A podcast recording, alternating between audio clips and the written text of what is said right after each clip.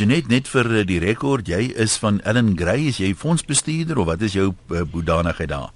Nee, een ek is 'n direkteur van Ellen Gray en ek is basies verantwoordelik vir kliëntediens en ehm um, uh, uh, ja, kliëntediens en verspreiding is die regte woord. Ehm um, basies kyk ek maar na ons na ons gewone kliënte as jy as jy dit sou wil opsom. Skus, ek het nie bedoel om jou daar te demoveer na 'n laer pos nie. Maar is nie ja, jy en Janet kan mekaar hoor. Kom ons uh, begin net so ter agtergrond. Ehm um, ons gaan 'n bietjie gesels oor risiko en of beleggers regtig weet waar in hulle belê. Maar uh, daar is die geval van African Bank wat natuurlik redelik in die nuus was. Tog is daar altyd mense wat nie regtig weet wat daar gebeur het nie. Kan jy miskien net vir ons ehm um, ter aanvang net so 'n bietjie agtergrond gee? Wat het fout gegaan by African Bank? Hoekom is hulle in die nuus op die stadium? En ek verstaan hulle aandeleprys het iets so 97% geval uh van wat dit 'n week of wat gelede was. Ja, een ehm um, African Bank is 'n bank wat 'n bietjie anders te lyk as ander banke waar die ander banke gewoonlik maar deposito's kry van die publiek. Uh en natuurlik gaan hulle ook in die mark in en hulle kry geld by pensioenfondse, fondsbestuurders om dan nou hulle besigheid te bedryf. Het African Bank basies net geld gekry by pensioenfondse en natuurlik ook uh fondsbestuurders wat by hulle wat ons doen papier koop of effekte koop waar hulle dan nou 'n gewaarborgde uh, bedrag of 'n persentasie opbrengs gee per maand of per jaar vir 'n sekere tydperk en dan het hulle natuurlik daai geld gebruik om meestal mikrolenings te gee vir mense wat andersins by ander banke nou nie 'n lening sou kon gekry het nie. En die risiko is natuurlik dat ehm um, van daai mikrolenings se geld kan jy baie keer nie terugkry nie en ek dink die stakings was natuurlik ook nie positief geweest vir 'n bank soos soos hulle wat natuurlik hulle hele model is gebou daarop. Hulle het byvoorbeeld nie transaksiefooie soos ander banke wat nou op 'n ander manier ook inkomste kry nie. Hulle het nie huislenings gehad of uh motorlenings ensovoorts nie. So dit was hulle hele model geweest. Dan natuurlik ook ehm uh, hulle rents onder hulle vlerk waar mense natuurlik nou ook mikrolenings kan kry wanneer hulle meubels koop ensovoorts. En ehm um, ek kan nou nie sê dis dis die dit is die stakings wat dit veroorsaak nie, maar ek dink dit het 'n groot impak hmm. gehad op hulle op hulle hele leningsboek. Uh en natuurlik wat met dit gebeur het is hulle hulle moes net baie meer geld afskryf as wat hulle voorsien het. En dit het gemaak dat hulle in die laaste jaar al 'n regte uitgifte gedoen het vir so 5 miljard en uh hulle verlies wat hulle toe nou aangekondig het vir hierdie jaar is iets so 6.4 miljard. Uh dit het natuurlik gemaak dat die aandeleprys uh geval het Hy was natuurlik laas jaar nog op op R40 gewees, maar hy het nou hier van ek dink R6.43 geval na 35 sent, toe hy's nou opgeskort.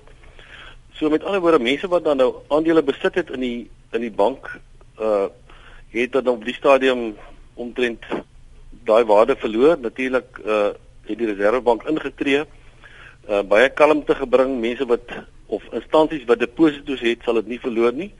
Uh instansies wat wel fondsbestuurders wat wel ehm um, effekte gekoop het, gaan dit wat hulle noem 'n haircut van 'n 10% uh verlies wat met ander woorde as jy R100 uh vir die bank geleen het, gaan die bank vir jou net 90 teruggee, maar intussen gaan jy nog jou rente kry. Hmm. So dit is wat intussen gebeur het, uh, die Reservebank het ingetree, daar is 'n klomp kalmte gebring en ek moet 'n pleintjie gee vir Jill Marcus vir die manier hoe hulle vinnig opgetree het en en alles reg reg gedoen het. Uh en die mark gemaklik gemaak het en ek dink 'n beleggers ook dat mense nie hoef nou paniekerig te raak om uit te kom uh of van hulle fondsbestuurder weg te hardloop ensovoorts nie maar ek dink dit hierdie hele saak het vir ons net bietjie weer laat teruggaan en sê maar weet mense baie keer wat se risiko hulle het uh en waar is hulle regtig belê wanneer hulle in 'n spesifieke fonds of 'n effekte transbelê ensovoorts Iemand vra hier by SMS 'n basiese vraag wat ons miskien net ter opheldering moet antwoord. Wat is die verskil tussen African Bank en ek weet nie regtig wat die regte uitspraak is nie. A-bill of A-bill so afkortings is dit dieselfde ding? Dis dieselfde ding. Ehm um, dan ek sien mense lyk like my is bietjie verward hulle vir, vir nie heeltemal seker is dieselfde nie. So net nou kom ons gesels met jou Marius het nou gepraat van aandele en effekte. Uh dalk moet jy net vir luisteraars, daar's altyd mense wat nie werklik uh, presies op hoogte is van wat die onderskeid nou is nie. Kortliks net verduidelik wat die verskil tussen aandele en effekte en die impak daarvan op African Bank. Ehm um, dankie een. Ja, so ehm um, aandele, as jy 'n aandeel koop, dan koop jy basies 'n gedeelte van die maatskappy. Met ander woorde, jy besit 'n klein gedeeltjie van die maatskappy en in die toekoms deel jy natuurlik nou in winste en dividende ensovoorts. Ehm um, en en jou risiko daar natuurlik is in terme van die feit dat jy jy, jy koop dit op die aandelebeurs en jy en jy besit daai gedeelte van die maatskappy. In die geval nou ehm um, kan 'n mens nou sê hy het nou met 'n 100% geval van die aandeleprys natuurlik nou dat dit opgeskort is is nou sy prys is nou 0. So hy's nou hy's op die oomblik nou niks werd nie. Dan natuurlik as jy 'n effek het, dan ek dink Marius het so 'n bietjie daaraan geraak, dan dis amper soos 'n skuldbrief. Met ander woorde en in hierdie geval groot instansies pensioenfonde het geld ehm um, basies geleen aan aan African Bank en jy leen dit teen 'n vaste rentekoers, 'n vaste termyn en dan kry jy jou kapitaal terug aan die einde um, van die periode. Nou is nou natuurlik verskillende periodes en verskillende koerse en so aan. Ehm um, dit is nie anders as enige effek nie soos 'n staatseffek. As jy 'n staatseffek koop dan leen jy eintlik maar net jou geld aan die staat om dieselfde te doen.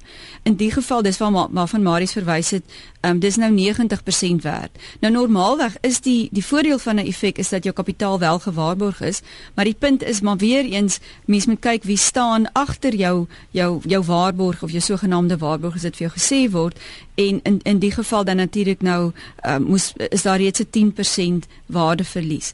Ek dink wat belangrik is, um, ons het die laaste paar dae ons redelik ervaar dat mense baie paniekerig is en baie vrae gevra daaroor en so aan. Ehm um, Ek dink die meeste fondsbestuurders wat blootstelling gehad het, het reeds ge, het reeds gekommunikeer. Ehm um, ander het nie en ek dink jy weet baie keer in die geval is is geen nuus dalk nou goeie nuus. En maar wat ook belangrik is binne in fondse, daai pryse is reeds in jou fonds ingeprys. Met ander woorde as jy in 'n aandelefonds was en die aandelefonds het 'n het 'n gedeelte van die um, geld in African Bank aandele gehad, toe die prys 0 gegaan het op Maandag, uh, dit is reeds Maandag aand. Gisteraand is dit reeds ingeprys. En vandag se pryse sal jy dit reeds sien. En ook dieselfde met die 10% verlies wat basies in in in die, in die ander fondse en sogenaamde inkomstefondse en swaan is. Um in 'n in 'n geldmarkfonds is dit nou nogal 'n bietjie anders hoe dit werk. Hoe dit daar werk is jy neem ook die 90% verlies, maar 'n um, geldmarkfonds in Suid-Afrika hou ons die prys op R1. Met ander woorde, die verskil word geabsorbeer deur die rente wat betaal moes word. Mm -hmm. En dan nou vir 'n gedeelte van tyd gaan daai rente nou nul wees totdat die 10% geabsorbeer is. Die rede hoekom ons die prys op R1 hou, baie belangrik, jou kapitaal is steeds is steeds veilig. Jou kapitaal is steeds gewaarborg en en die verlies wat jy nou neem in daai 10%. Onthou, dis 10% van 'n klein gedeeltetjie binne 'n groot fonds. So mense moenie nou onmiddellik dink hulle gaan geen rente kry nie. Die rente gaan met 'n klein persentasie afgaan afhangende hoe groot die aandelehouding of, of die die effekte belegging was binne 'n geldmarkfonds. Maries, wil jy 'n bietjie uitbrei oor die effek of die impak hiervan op die gemiddelde fonds en die fondsbestuurders in ons mark? Ja, een ehm um, ons het natuurlik mos bestuur multibestuursfondse en ons uh, beleg geld by verskillende fondsbestuurders en ons weet ook daarom gewoonlik watter instrumente gebruik hulle. Ons is ons het voor die tyd geweet wie het blootstelling aan eibel en wat aandele betref en ook papier of effekte. Ehm um, wat nou tipies gebeur het is jy het nou twee tipe fondse. Die een fonds is of 'n aandelefonds of jy 'n gebalanseerde fonds wat ook aandele aandele in het of 'n bietjie lae risiko fonds wat ook 'n bietjie aandele het. Nou al daai fondsbestuurders kon eibel aandele gehad het. Nou daai eibel aandeel se se pryse is nou niks. As jy as jy 'n fondsbestuurder in sy totale fonds 2.3% aandele blootstelling gehad het van sy aandelefonds, dan beteken dit jy 2.3% verloor van jou waarde. Mhm. Ehm mm um, as hy net 0,6% gehad het, jy 0,6% verloor. In die in die multibestuursfonds by ons natuurlik uh help dit ons baie die feit dat 'n klomp van die fondsbestuurders uh, PSG ingesluit geen blootstelling gehad het aan papier of PS of aandele nie. En natuurlik is daai persentasie amper weglaatbaar klein by ons omdat ons uh weet in so 'n party van daai fondse is 'n biljoen groot, so as daar nou 2 2 miljoen of 6 miljoen rand in eibel gewees het, gaan dit nie die hele fonds seermaak nie. Dis maar wat die Reserwebank probeer regkry het met hierdie hele 10% oor die oor die hele spektrum om nou uh daai verlies op te maak. Maar uh dan is natuurlik nou fondsbestuurders wat net in rentedraande instrumente belê, met ander woorde hulle koop effekte en hulle kon ook 'n groot blootstelling gehad het aan eibel. Ehm um, hulle word natuurlik uh, beperk deur die wet oor persentasie gewys wat jy net genou daaroor praat wat hulle mag belê. En wat tipies gebeur het is omdat mense rentekoerse so laag is in Suid-Afrika en geldmarkkoerse so laag, wil almal probeer 'n hoër opbrengs kry. So baie van die fondsbestuurders het dan nou na Eywil toe gegaan en hulle papier gekoop omdat hulle 'n beter opbrengs gekry het. Maar miskien nooit regtig die die risiko daarmee saamgemeet nie. Nou daai gedeelte van daai van die portefeulje gaan natuurlik nou die 10% ehm uh, of het reeds die 10% verlaging gevat of die verlies ge, gevat. So ehm um, ja, daar is fondsbestuurders wat tot 10% van hulle aandelefonds in uitbou gehad het. Natuurlik is daar 10% dan van daai fonds uitgewis. Uh en dit wys my net weer vir 'n mens dat ehm uh, as jy in iets belê moet jy tog verstaan wat waar jy belê en jy moet dan 'n idee hê watse instrumente word, word gebruik om hierdie opbrengs vir jou te gee en nie net te kyk na die opbrengs wat in die verlede daar was en sê maar dis wat hierdie maatskappy in die toekoms ook vir my kan gee. Ek dink hierdie is 'n is 'n goeie voorbeeld daarvan. Voor ons terug gaan na Janet, jy sê net vir ons ek dink baie beleggers uh, vertrou hulle fondsbestuurders gaan hulle beskerm teen hierdie tipe risiko's. Is dit 'n realistiese verwagting of is dit 'n bietjie onregverdig eintlik? Ehm um, natuurlik, uh, ek dink as 'n mens vir iemand geld gee, verwag jy nie hy gaan hy moet geld gaan belê by 'n plek waar hy al jou kapitaal kan verloor nie. Uh, dis dis die een kant. Met ander woorde, jy vertrou die fondsbestuurder, jy gee vir hom eintlik 'n verantwoordelikheid. Aan die ander kant, as daar iets in die ekonomie gebeur soos wat nou gebeur het met met stakings, is dit nie regtig daai fondsbestuurder het dit miskien sou dit miskien nie sien kom het 'n jaar terug of 6 maande terug nie. En uh nou sien jy die aandeleprys val en dan was regte uitgifte en op 'n stadium het dit gelyk of dit weer beter gaan en die aandeleprys het begin opgaan en die fondsbestuurder dink maar hy gaan miskien sy posisie vergroot want hy kan die aandeel baie goedkoper koop en nou hierdie ding gebeur. Ehm um, dis 'n baie moeilike ding. Ek wil nie fondsbestuurders enige skuld gee daarvoor nie. Uh ek sê mense verwag nie as jy geld vir 'n fondsbestuurder gee, hy gaan in 'n aandeel belê wat nie meer kan bestaan nie. Mm -hmm.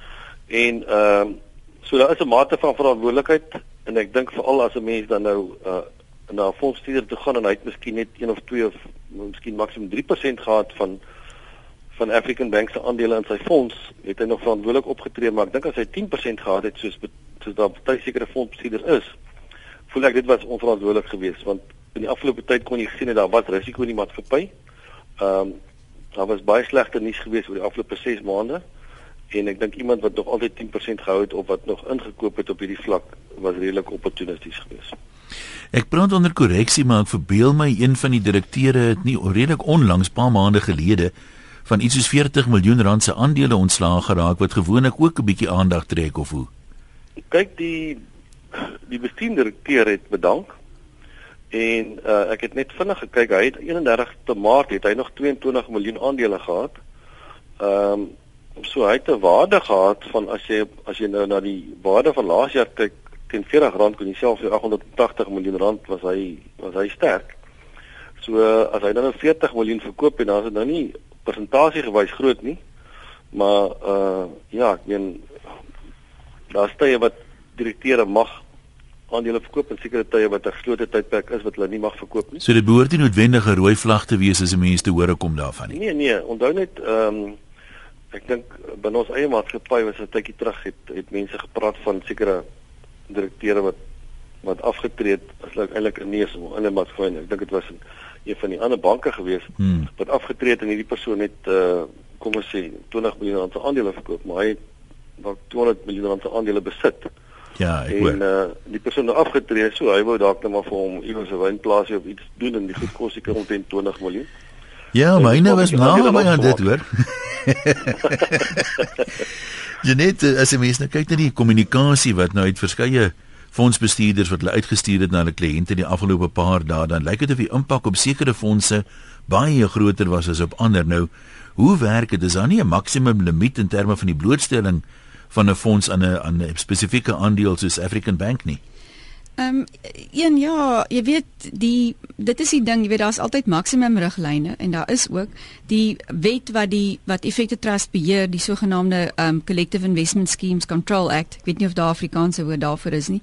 Bepaal dat uh, jy mag nie meer as 10% van die waarde van jou fonds in 'n spesifieke aandeel belê nie. Met ander woorde kom ons sê jou fonds is 'n is 'n is 'n 100 miljard groot, dan mag jy tot 10 biljoen van daai fonds mag jy dan nou belê. Wel 100 biljoen is darem 'n baie groot fonds. Miskien moet jy 'n paar nulle wegneem, maar maar 10% van die waarde van jou fonds. Nou dis baie. Ek meen dit is een van die voorbeelde wat Marius gebruik het. As daai 10% na 0 toe gaan, dan beteken dit letterlik, jy weet 10% van jou fonds is uitgewis. Daar was wel 'n paar fondse wat so blootgestel was. Ehm um, so dis nogal 'n redelike hoë limiet. Dit gaan nie noodwendig vir jou beskerm nie. Maar ek dink dis ook 'n weer 'n keer waar jy jou fondsbestuurder moet moet verstaan. Ehm um, ons praat nou nie spesifiek oor Ellen Gray nie, maar ek gaan vir julle voorbeeld gee. Ons het interne reëls in Ellen Gray wat byvoorbeeld sê dat ons mag nooit 'n insluitende al die pensioenfonde, al die effekte trustfondse en al die bates wat ons bestuur, mag ons nooit meer as 25% van 'n maatskappy besit nie. Nou dis 'n as jy 'n groot fondsbestuurder het, is dit eintlik 'n reël wat vir jou geweldige beskerming bied. Want dit beteken ook dat dis ook nie net in een fonds nie. As jy bestuur soos ons geld bestuur, as ons in 'n aandeel belê, dan het alle kliënte wat ons het, of hulle nou pensioenfonde is en of hulle in in, in fondse in in effekte trustfondse is, almal van hulle dieselfde blootstelling. Met ander woorde, dit water amper jou blootstelling 'n bietjie af. Nou tot 'n mate uh, jy weet daar's altyd baie argumente oor moet 'n mens nou na groot fondsbestuurders of na kleineres toe gaan, maar in die geval help dit natuurlik as jy by 'n groot fondsbestuurder is. Want as jy nou eh, 'n klein aandeel in 'n maatskappy het, maar jy dit versprei oor al die honderde biljoene se se bates wat jy bestuur, dan gee dit vir jou baie meer beskerming want die die die uiteraard die spesifieke blootstelling per fonds is dan nou baie baie klein. So ek dink dit is belangrik om te gaan kyk hoe jou fondsbestuurder daarna kyk en of hulle eie interne reëls het. Mens wil nie altyd net deur die wet beskerm word nie. Mens wil baie keer ook beskerm word deur die styl en die interne reëls wat bestuurders het om seker te maak dat hulle na hulle kliënte kyk.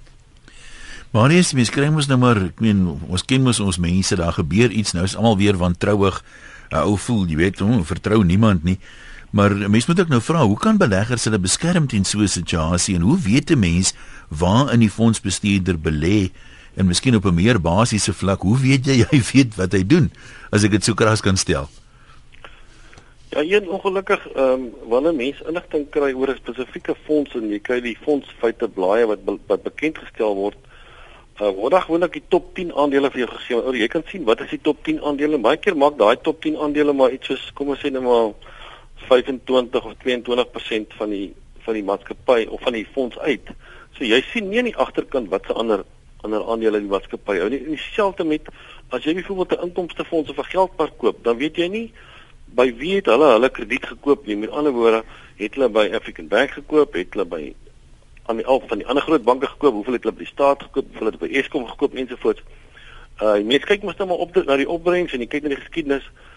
En ek dink dit is dit is maar net die gevaar wat 'n mens het as jy nie iemand het wat jou kan help om daai navorsing te doen en seker te maak hoor hierso. Hier is dalk meer risiko in hierdie fonds as wat ek wil neem ten spyte van hierdie goeie opbrengs wat hy gehad het laaste tyd want dan net uh die ou wat die meeste rente betaal, dis die ou wat die geld die graag die geld die graagste wil hê. En as jy die meeste rente betaal en dit is sommer as as luisteraars nou dink aan ander produkte wat vir hulle aangebied word en dit is nie net effekte trust nie. Mense wat vir jou beloof hulle gee vir jou enigiets tussen 15 en 23% rente. Dan moet jy gaan vra hoor wat is die instrument wat gebruik word om daai rente te kry? En hoeveel ris hoeveel risiko is daar? Dit help nie ek kan 20 of 22% of 19% rente kry vir 3 jaar en hier is ewe skielik bestaan die maatskappy nie. Ehm um, het daai maatskappy wat dit aanbied dalk 'n groot blootstelling aan aan African Bank gehad. So dit is die gevaar dat ek dink dit die die gewone man op die straat weet dit nie. Hy sien net ongelukkig die opbrengs van die fondse en hy sien die fondsbestuurder se naam en hy sien miskien 'n geskiedenis van die fonds en hy het iemand nodig om hom te help om te sê maar hoe bepaal ek die risiko van die fonds en dis hoekom ek sommer 'n miskien 'n uh, teregwysing vir mense wat al hulle geld in een fonds het, maar die fonds het tog altyd vir my baie goed behandel en die fonds kon dalk die afgelope 5 jaar in African Bank belê gewees het, nie sou nie 'n probleem gehad het nie, maar dis die gevaar. So ek dink dit weet die gewone ou op die straat moet hulp kry om seker te maak dat dit wat hy doen en wat hy dink hy het, hy het dit definitief en hy moet besef teen watter risiko het hy hierdie opbrengs wat hy het en ek dink uh, dis die gevaar en ek dink as jy vir baie mense vanoggend vra as hy effekte trust fonds besit wat hy self verkoop het, uh, hoeveel African Bank blootstelling het jy gehad in die fonds? Sal hy nou nog nie vir jou kan sê hoeveel nie. Ja. Hy het maar hy het net na die syfer gekyk en miskien na die fondsbestuurder gesê maar ek hou van hierdie ouens of ek hou van hierdie fonds uit 'n goeie opbrengs gehad en ewe skielik kon jy dalk vanoggend nou of gister 10% van jou fonds afgeskryf het en as jy dit geweet het voor jy dit gesê nee, maar ek wil nie soveel risiko vat nie. Ek gaan liewer 'n bietjie laer opbrengs kry of inkomste kry of rente kry, maar ek wil ten minste weet my instrumente wat daar is gaan my kapitaal kan beskerm. Jy net nou waar kan 'n mens nou ek weet hulp kry beleggers, waar kan hulle hulp kry om nou hierdie keuses reg uit te uit te oefen? Wat sou wat sou jy sê is die die maklikste en die praktiesste middels of die stappe wat 'n mens kan volg? Wel, een, jy weet ek ek ek dink luisteraars het al baie vir my gehoor sê, jy weet kry vir jou 'n goeie kry vir jou 'n goeie adviseur. En ek weet daar's baie ouens, jy weet wat 'n storie het om jou te vertel van 'n adviseur wat nie vir hulle goeie diens gegee het nie of 'n adviseur wat nie goeie produkte aan hulle verkoop het nie. Ek dink dis miskien eintlik die belangrike deel. Jy weet, um, as jy gaan kyk na 'n adviseur, Ehm um, soos wat jy sou sou gaan weet rondkyk as jy 'n motor koop, jy gaan tog nie net die eerste beste een koop wat by jou verbykom nie. Jy weet, het jy dieselfde reg om te doen ook met adviseurs. Ehm um, voer 'n onderhoud met hom, laat hy vir jou sê wat sy waardeproposisie is, dat hy vir jou sê wat hy vir jou gaan doen.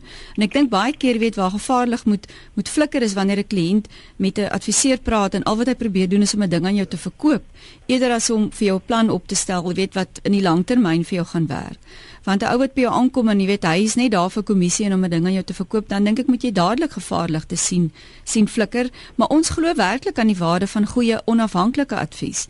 Jy weet 'n adviseur wat vir jou verskillende produkte, verskillende fondsbestuurders kan kom aanbied.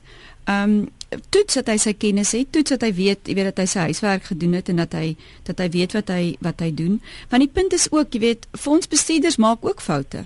Ehm um, dis ook mense, mense het ook 'n beperkte hoeveelheid tot jou beskikking. Ek dink ons ons moet darm 'n baie beter werk maak daarvan as wat die man op straat kan doen, maar goed soos hierdie gebeur. En ek dink dan ook as jy adviseer het wat jy kan skakel en sê luister, wat beteken dit nou vir my? Moet ek môre my geld vat? Moet ek onmiddellik weggaan? En ek dink 'n adviseur is iemand wat vir jou wanneer jy emosioneel dink oor dinge, rasioneel kan hou en vir jou op die pad kan hou. En ek dink dit is dis baie belangrik. So ek ek beveel 'n goeie adviseur aan en ek dink doen jou eie huiswerk ook. Jy weet, gaan kyk op die op op op 'n webwerf, gaan lees op daaroor. Moenie net glo wat 'n ou vir jou sê nie. Ja, is baie waar wat jy sê van motorkoop. Ek meen mense gaan vergelyk allerlei syfers en dinge. Jy gaan na die webwerwe toe, jy kyk na spesifikasies. Mense is geneig om vir 'n ding wat eintlik baie minder impak op hulle lewe het as beleggings meer moeite te doen en in, in die voorhand liggende af te skeep. Maar dis met ja, jou ja, afsluit ek, ja. Ek wil net iets iets bysit daar om te sê maar Ek dink uh, wat jy net sê is waar, maar ek dink baie mense weet nie hoe om 'n uh, adviseur te kies nie, hoe om dit te evalueer nie. En ek dink daar wil 'n mens wil ek sê maar maar gaan vra vir jou adviseur, hoe lyk jou proses van hoe jy fondse kies ah. en bestuur? Hmm.